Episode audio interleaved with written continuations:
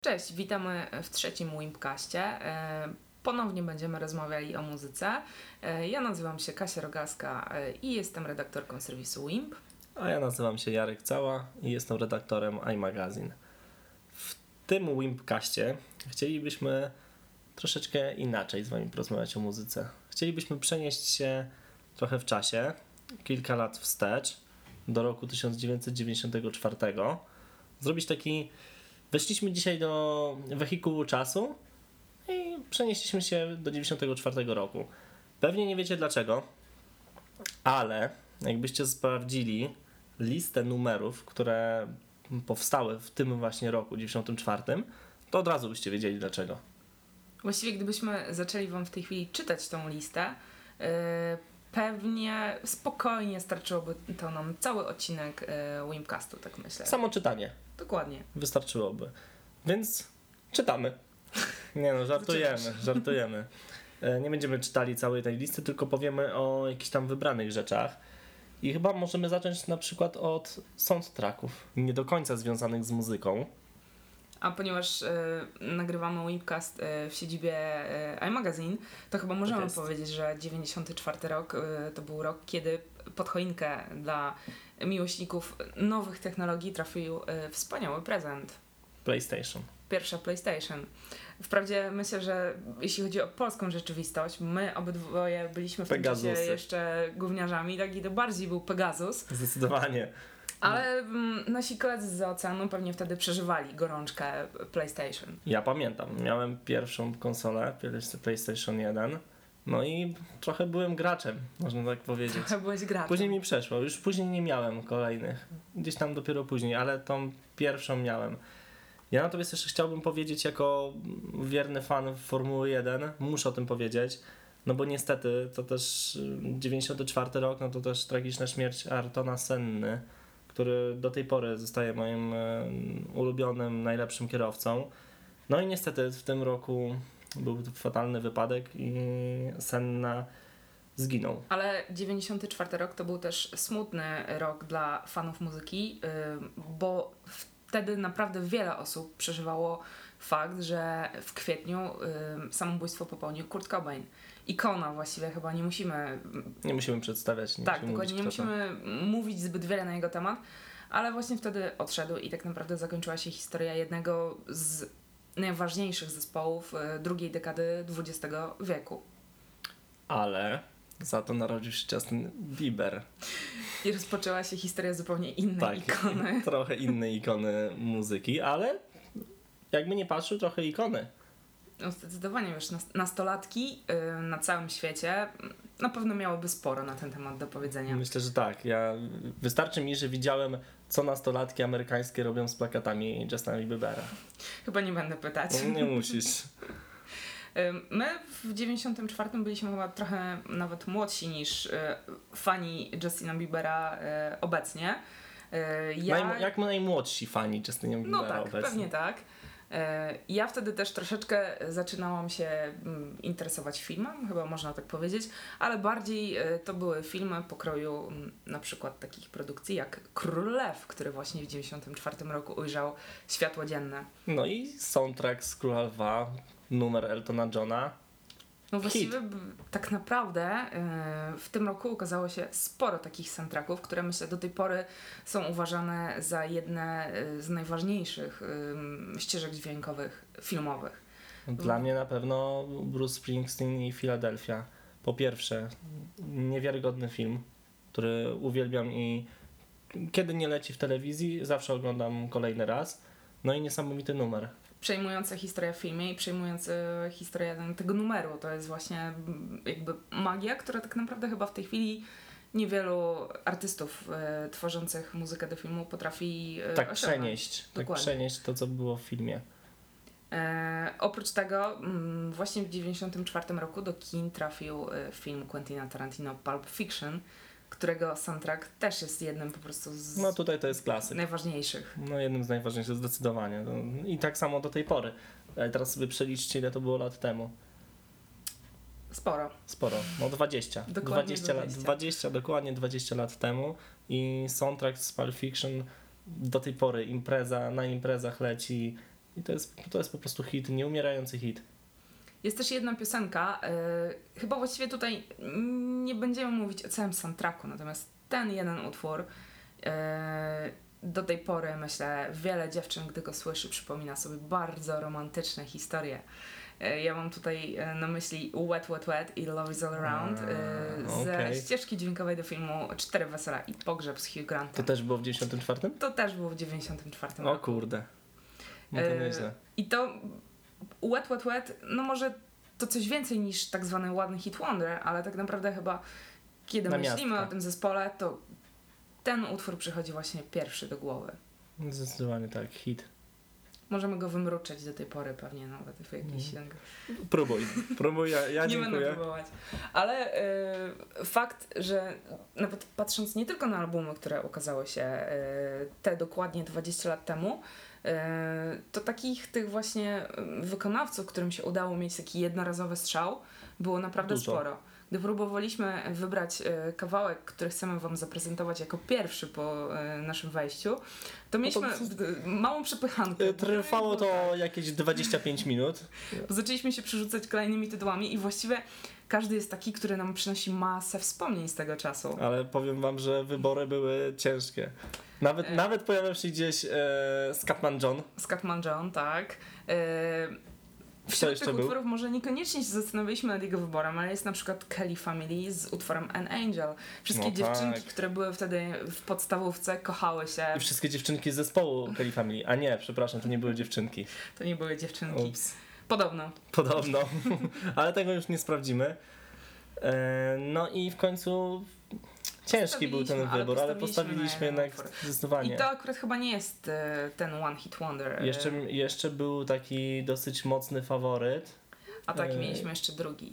I to był taki, można powiedzieć jak na tam czasy, rock'n'rollowy prawie, że utwór z mocnymi gitarami. hit. To jest e, też. Z bardzo charakterystycznym wokalem. Ten zespół miał kilka innych utworów, które pewnie też, myślę, że polska publiczność dosyć mocno pamięta, bo oni chyba byli bardzo lubiani w naszym kraju. Na pewno. E, ale ten jeden, i to jest Zombie, bo o nim właśnie mówimy, i The Cranberries, Bardzo blisko było, żeby poleciał, ale jednak. postanowi, postanowiliśmy postawić na troszeczkę inny e, gatunek muzyczny. No Ale to też słuchajcie. fajnie. Nie zdradzimy wam co dopóki nie usłyszycie, ale po, po pierwszej nutce każdy z czai.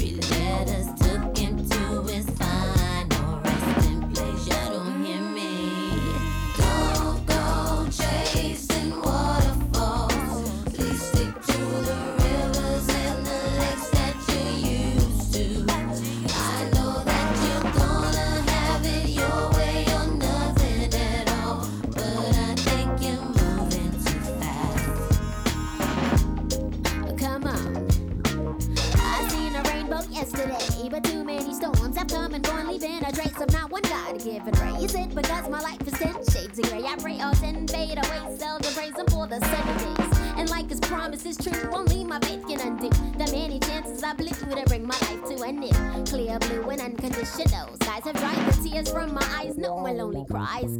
My only leading hope is for the folk who can't cope with such an enduring pain that it keeps them in the pouring rain. Who's to blame for two and gain into your own vein? What a shame you shoot an aim for someone else's brain. You the insane and aim to stay in time for falling prey to crime. I say the system got you victim to your own mind. Dreams are hopeless aspirations and hopes are coming true. Believe in yourself, the rest is up to me and you. Go chasing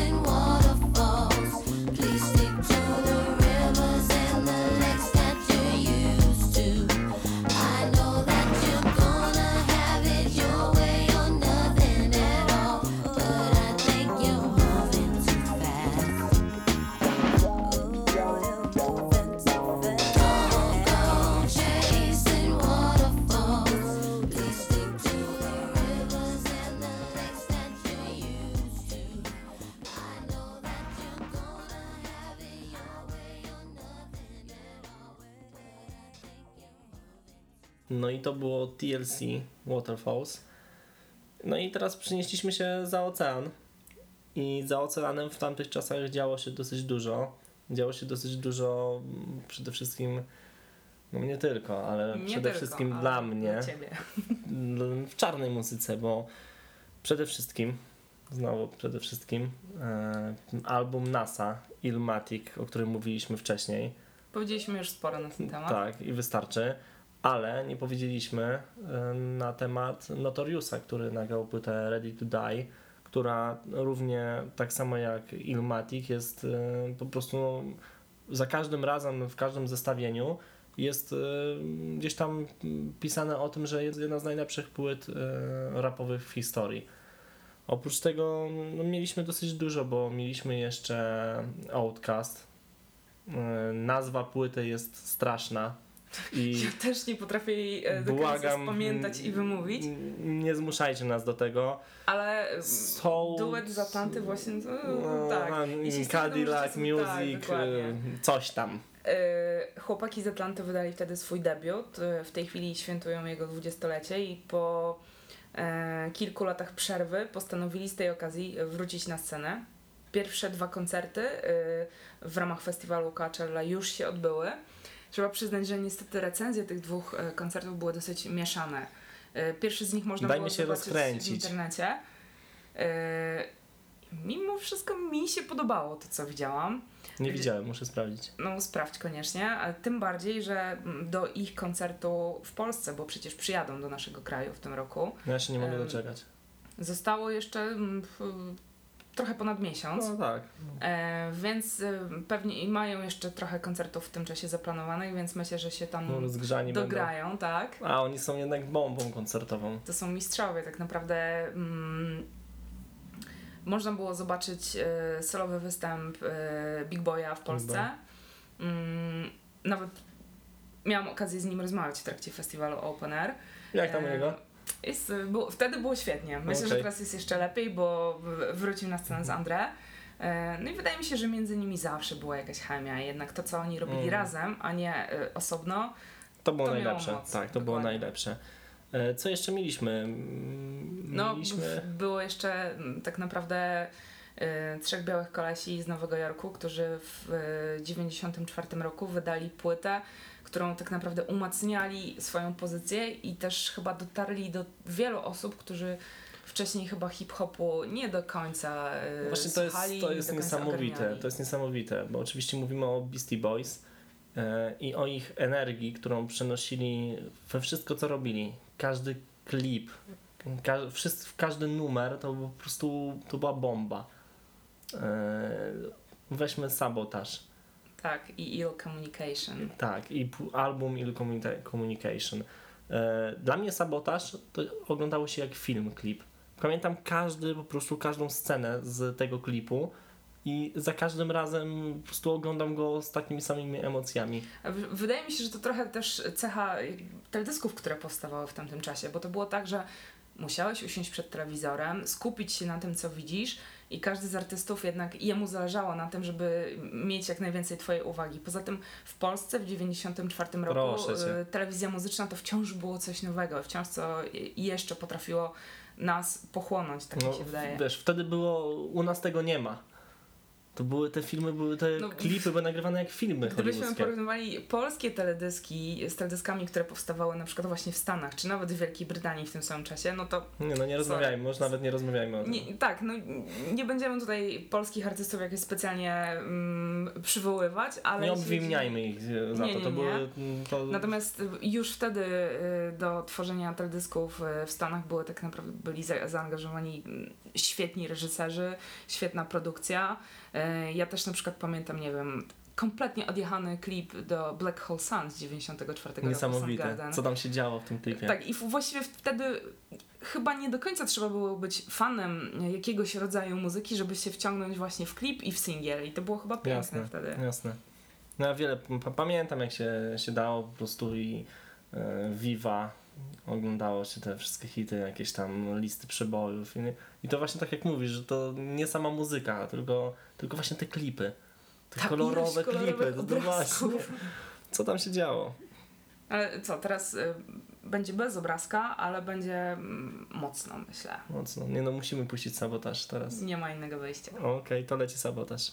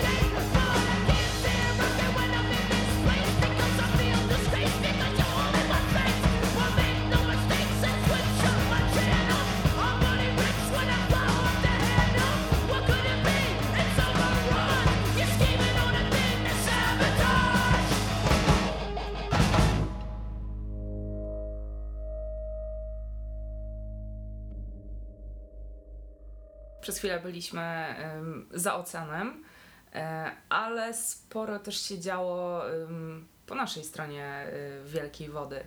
E, I niekoniecznie na samym kontynencie, bo bardziej na wyspach. E, 94 rok to był właściwie jeden z jedno z złotych lat Britpopu, takiego gatunku, który właściwie istniał dosyć krótko, ale tak Ale naprawdę intensywnie. intensywnie i chyba do tej pory ma wpływ e, na jakąś taką niezależne rockowe granie. Tak mi się, myślę, myślę, że spokojnie tak można powiedzieć. To oczywiście takie tak, to zespoły zmieniony rok. troszeczkę tak. E, trochę bardziej przybojowy, trochę bardziej e, Trafiający do mas. melodyjny, jak najbardziej. I no właściwie w 94 roku ukazały się pr- przede wszystkim dwie płyty, które jeśli chodzi o Britpop, to są po prostu mm, ikony do tej pory. I mówię tu oczywiście o Park Life Blair i o Definitely Maybe Oasis. Ale nie tylko te, bo też kolejne wydawnictwa e, wydali um, Suede, wydało Pulp, więc naprawdę sporo się działo. Wprawdzie dzi- dopiero w 95 roku miała, słyn, miała miejsce słynna e, bitwa e, britpopowa, bo to, to był właściwie temat, którym to jest ciekawe, bo wydaje się, że to powiedzmy niszowy gatunek muzyczny, może niekoniecznie taki super mainstreamowy, ale to był temat, którym wtedy e, w Wielkiej Brytanii e, żyły tak naprawdę nawet największe gazety. Całe wyspy, całe wyspy. Ja myślę, że sporą zasługą e, był tutaj niewyparzony język braci Gallagherów, którzy potrafili swoich muzycznych rywali usadzić po prostu w miejscu. Nawet Była nie będę wojna. cytować, co oni wtedy potrafili powiedzieć. Później ta agresja gdzieś tam przeniosła się bardziej na nich nawzajem, ale wtedy to głównie gdzieś tam kierowali te słowa mm, ku swoim największym rywalom, czyli zespołowi Blair. I w 95 roku jednego dnia ukazywały się dwa single. Jeśli Walczyli, chodzi o Blair, to było e, Country House, a e, Oasis e, Roll With It. Ale już właściwie mm, w tym poprzednim roku, w tym naszym dzisiaj głównym temacie, już wtedy się dużo działo, bo przecież to były takie kawałki jak na przykład Girls and Boys, jak tytułowy Park Life Blair, czy Mm. To The End, a ze strony Oasis, e, no chociażby Live Forever, to jest po prostu taki e, hymn, w- właściwie wiem, że śpiewany przez wiele osób, nawet na imprezach, do tej pory. No tak. Myślę, że można się spokojnie pokusić te- Jasne, o takie tak, słowa. oczywiście. No ale w Wielkiej Brytanii to nie tylko Britpop. E, myślę, że wtedy No, też... dużo, dużo się działo na stro- po stronie elektronicznej, gdzie zawsze jednak Brytania z tego gdzieś tam słynęła, bo wtedy, wtedy Anglicy zaczęli robić już takie bardzo dziwne, dziwne rzeczy z muzyką, typu właśnie, właśnie- UK Garage, Drum and Bass, Two Step. Tak, i ta muzyka elektroniczna zaczęła gdzieś wychodzić z takich maleńkich klubików przeznaczonych tylko tak, i wyłącznie dla takich... nocnych, londyńskich, sławnych tak. klubów. A trafiła do znacznie szerszej publiczności. A przede wszystkim trafiła poza wyspy. I ja myślę, że mm, bardzo do tego przyczyniły się dwa zespoły, które właśnie też w 1994 roku wydały swoje albumy. Obydwa y, były y, z Bristolu.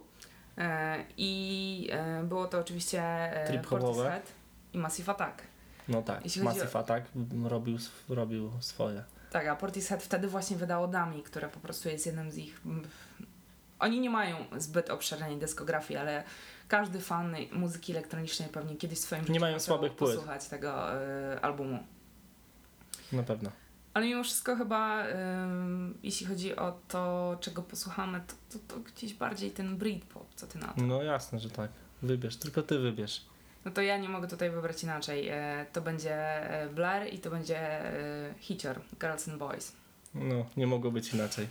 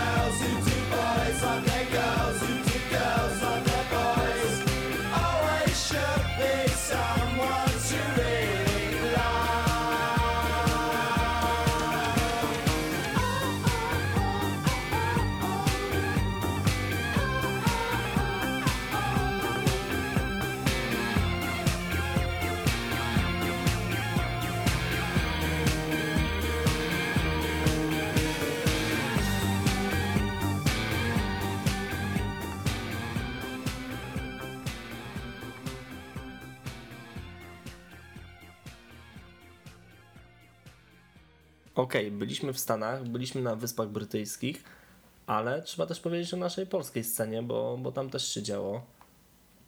Ja będę ym, optować za tym, że właśnie w 94 roku i pewnie w tych latach około tego y, roku polską sceną rządziły kobiety. Okej, masz rację. Nie będę nawet tutaj w żaden sposób e, tego mm, kwestionował, bo tak było. Co więcej, y, to były kobiety, które w dużej mierze do tej pory gdzieś tam są ważne, y, w, jeśli chodzi o polski rynek muzyczny. I takie ciekawe postacie. Bardzo. Oczywiście, na przykład wciąż nagrywała Kora i wciąż potrafiła nagrać taki hit z Manamami jak Zapatrzenie, który do tej pory jest katowany przez rozgłośnie radiowe. Wtedy też mniej więcej y, Various Monks nagrało jeden ze swoich największych przybojów, czyli Zanim tak, Zrozumiesz. Zanim zrozumiesz. Wtedy E, Co po więcej prostu- było soundtrackiem. Tak, i to był obowiązkowy po prostu punkt y, na wszystkich dyskotekach szkolnych. I wycieczkach. tak, taniec, wiesz, przytulaniec, kiedy można było naprawdę... Chłopaki stoją pod, ścianie, pod ścianą, a Tak. dziewczyny czekają. Tak, to tak było, potwierdzam.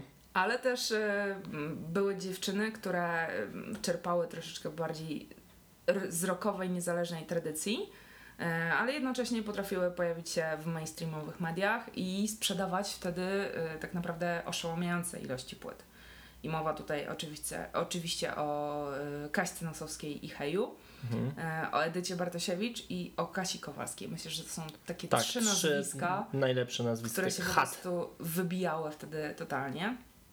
No i jak To tak tak. popatrzymy, no to w sumie w mniejszym lub większym stopniu yy, każda z nich jeszcze w tej chwili jest jakoś tam obecna na scenie. Oczywiście Tak. Kora, Kora ma ciekawe fryzury, gdzieś tam się pojawia, dziwne rzeczy. tak, Edyta wróciła, wreszcie wróciła i nagrała płytę i gra, koncerty nawet. Mhm. E, no ale chyba nie, nie mamy wątpliwości, że tak naprawdę do tej pory najważniejsza jest e, Kaśka Nosowska, która kombinuje zarówno w swoich solowych projektach, jak i wciąż gra z Hejem i potrafi się Po tylu nie latach. powtarzać. Cały czas gdzieś tam Coś ma nowego nowe robi. inspiracje i jest to zdecydowanie jedna z najważniejszych No tak, artystek. jeśli, jeśli sobie mm, sprawdzimy polską scenę 20 lat, no to naprawdę to jest imponujące, że, że tak jak powiedziałaś, że nadal potrafi zrobić coś nowego i, i nadal nagrywa. Właśnie w 1994 roku ukazał się album Ho Heja, na którym znalazły się takie przeboje jak Jasowa, Misie, niekoniecznie o mężczyźnie. Ja muszę przyznać, że wtedy znałam po prostu każdy, każde słowo w tych piosenkach. E, To były te czasy, kiedy przegrywało się od znajomych kasety, albo kupowało się kasety Wymianki na były. takich e, straganach gdzieś tam wystawionych. Te pod- legalne kasety. Tak. Ale mm, dzięki temu ja po prostu tych kaset przesłuchałam pewnie tysiące No, razy. dokładnie. Pewnie jak ktoś by mnie teraz zapytał te teksty, potrafiłabym je odtworzyć. Więc Okej, dajesz. może nie w tej sekundzie. No okej. Ale właśnie a propos legalnych, nielegalnych rzeczy, to też mi się mm, te czasy kojarzą z polskim hip-hopem, który gdzieś już e, raczkował i powstawało dużo składów i też na początku zaczynali oczywiście od nielegalnych nagrań, typu na przykład e, Nagły Atak z Pawacza nagrał wtedy nielegalną płytę. E, W Warszawie mieliśmy TD i One Kilohertz, mieliśmy Molestę, 94 rok założenie Molesty, więc no tak naprawdę w Polsce też się dosyć dużo działo. Powiedz mi, czy to był ten moment, kiedy chłopcy w Polsce zaczęli nosić lenary? No, tak, to był ten moment. Nie, ten niesławny moment, kiedy zaczęli nosić e, lenary. No tak, to była część, część kultury. Wtedy wiesz, było, mm, nie wiem, parę skate shopów, parę to za dużo, no, nie wiem, dwa, jeden i pamiętam do dzisiaj, że, że tam kolejki były, że no stało się przed sklepem, żeby później wejść do sklepu i żeby coś zobaczyć. No to się już nie powtórzy, myślę. No nie powtórzy się, a później te lenary wszyscy y, już tam w 97, jak już wiedzieli, że coś jest nie tak, to ścinali na krótkie spodenki.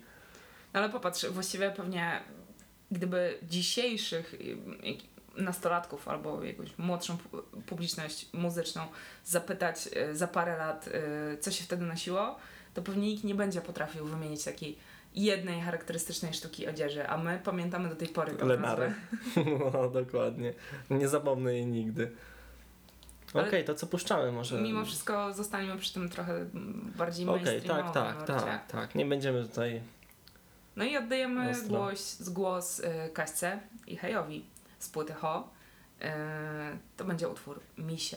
Będzie w tym momencie gitarowo, bardzo gitarowo. Będzie. Więc szykujcie się.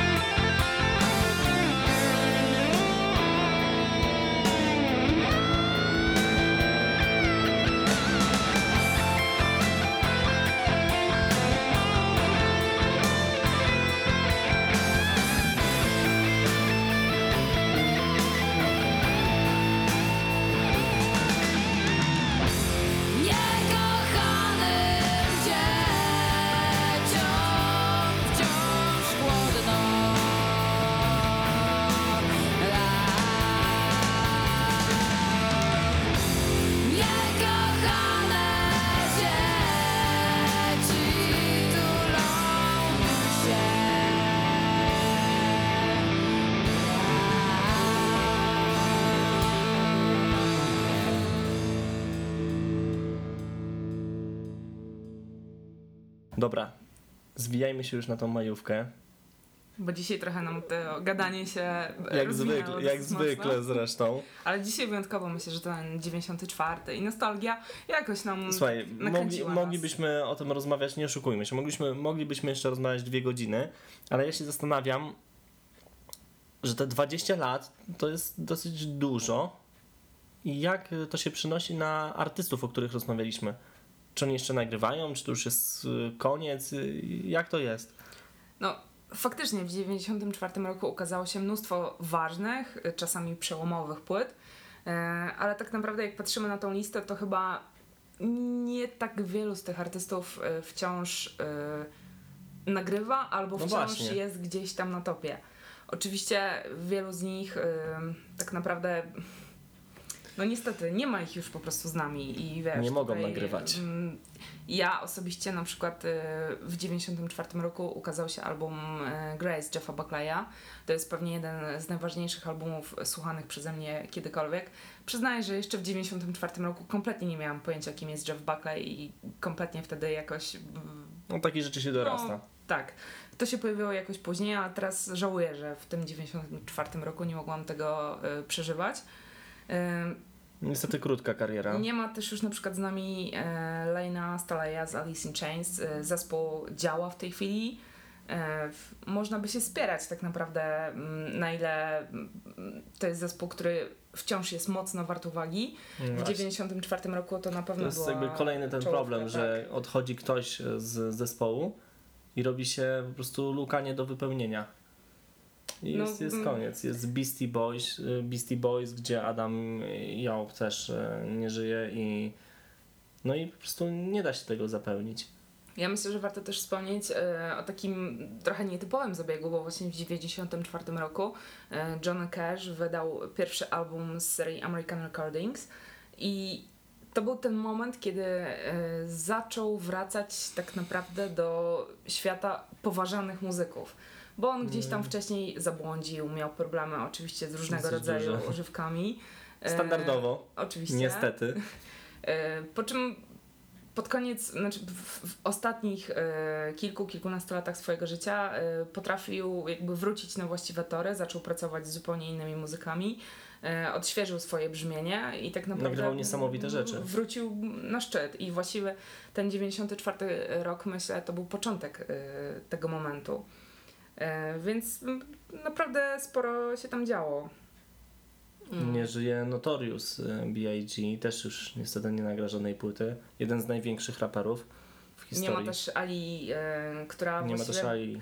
Ona też nie miała zbyt długiej kariery, ona była bardzo młoda w momencie, kiedy zginęła. A to mogła być piękna kariera. To, to, mogło być, to mogło być, nie wiem, cztery, cztery naprawdę świetne albumy. No właśnie, ale dobra, nie kończmy w taki bardzo pesymistyczny... Tak, e, zły sposób. Tak, dokładnie. Ym, bo oczywiście jest też sporo zespołów, które jeszcze w tej chwili działają i nawet radzą sobie Radzą całkiem sobie dobrze. nieźle. Weźmy chociażby, mm, nie wiem, Nine Inch Nails albo y, Nicka Cave'a, który też z The Bad Seed wydał w 94 roku album. I I nadal ma się dobrze. Nadal ma się bardzo dobrze. Widzieliśmy go mm, na żywo, parokrotnie nawet w Polsce. E, Wciąż wydaje albumy, które, których naprawdę da się słuchać. E, No i nie jest jedyny. Zresztą na przykład taki zespół jak Green Day, który w 94 roku wydał Duki. Przełomowy, album Przełomowy w swojej album. karierze z takimi hitami jak Basket Case na przykład. E, A teraz to jest światowa, światowy zespół. Grają na stadionach. No właśnie. Ale chyba zakończymy kimś innym. Już wtedy on był inny i nawet śpiewał o sobie, że jest luzerem. E, To jest gość, który zawsze łączył mnóstwo różnych gatunków muzycznych w swojej muzyce. E, W 2014 roku powrócił świetnie przyjętym albumem Morning Face. E, Wciąż czekamy na jego koncert w Polsce. Ja bym bardzo tego chciała. Ja też.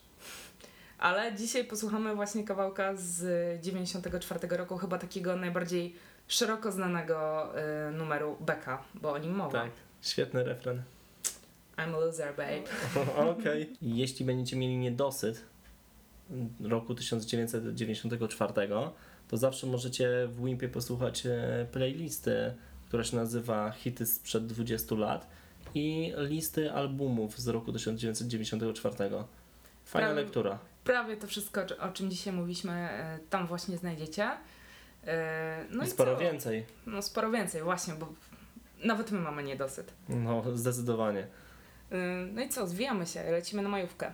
Dzięki. Dzięki, do usłyszenia.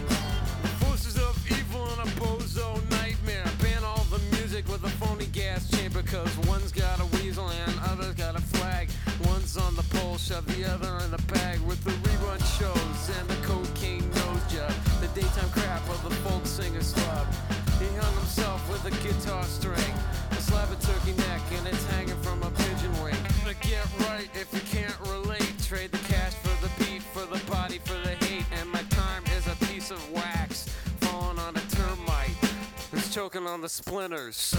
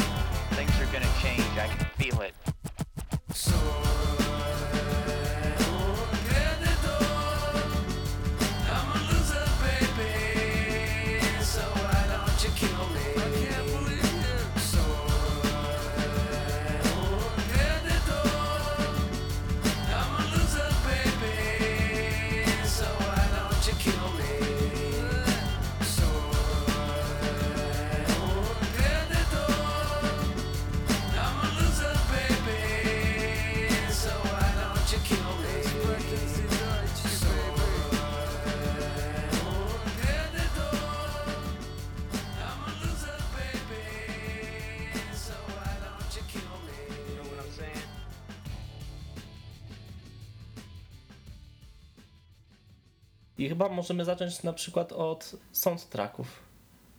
To znaczy... Nie, nie zaczniemy od soundtracków.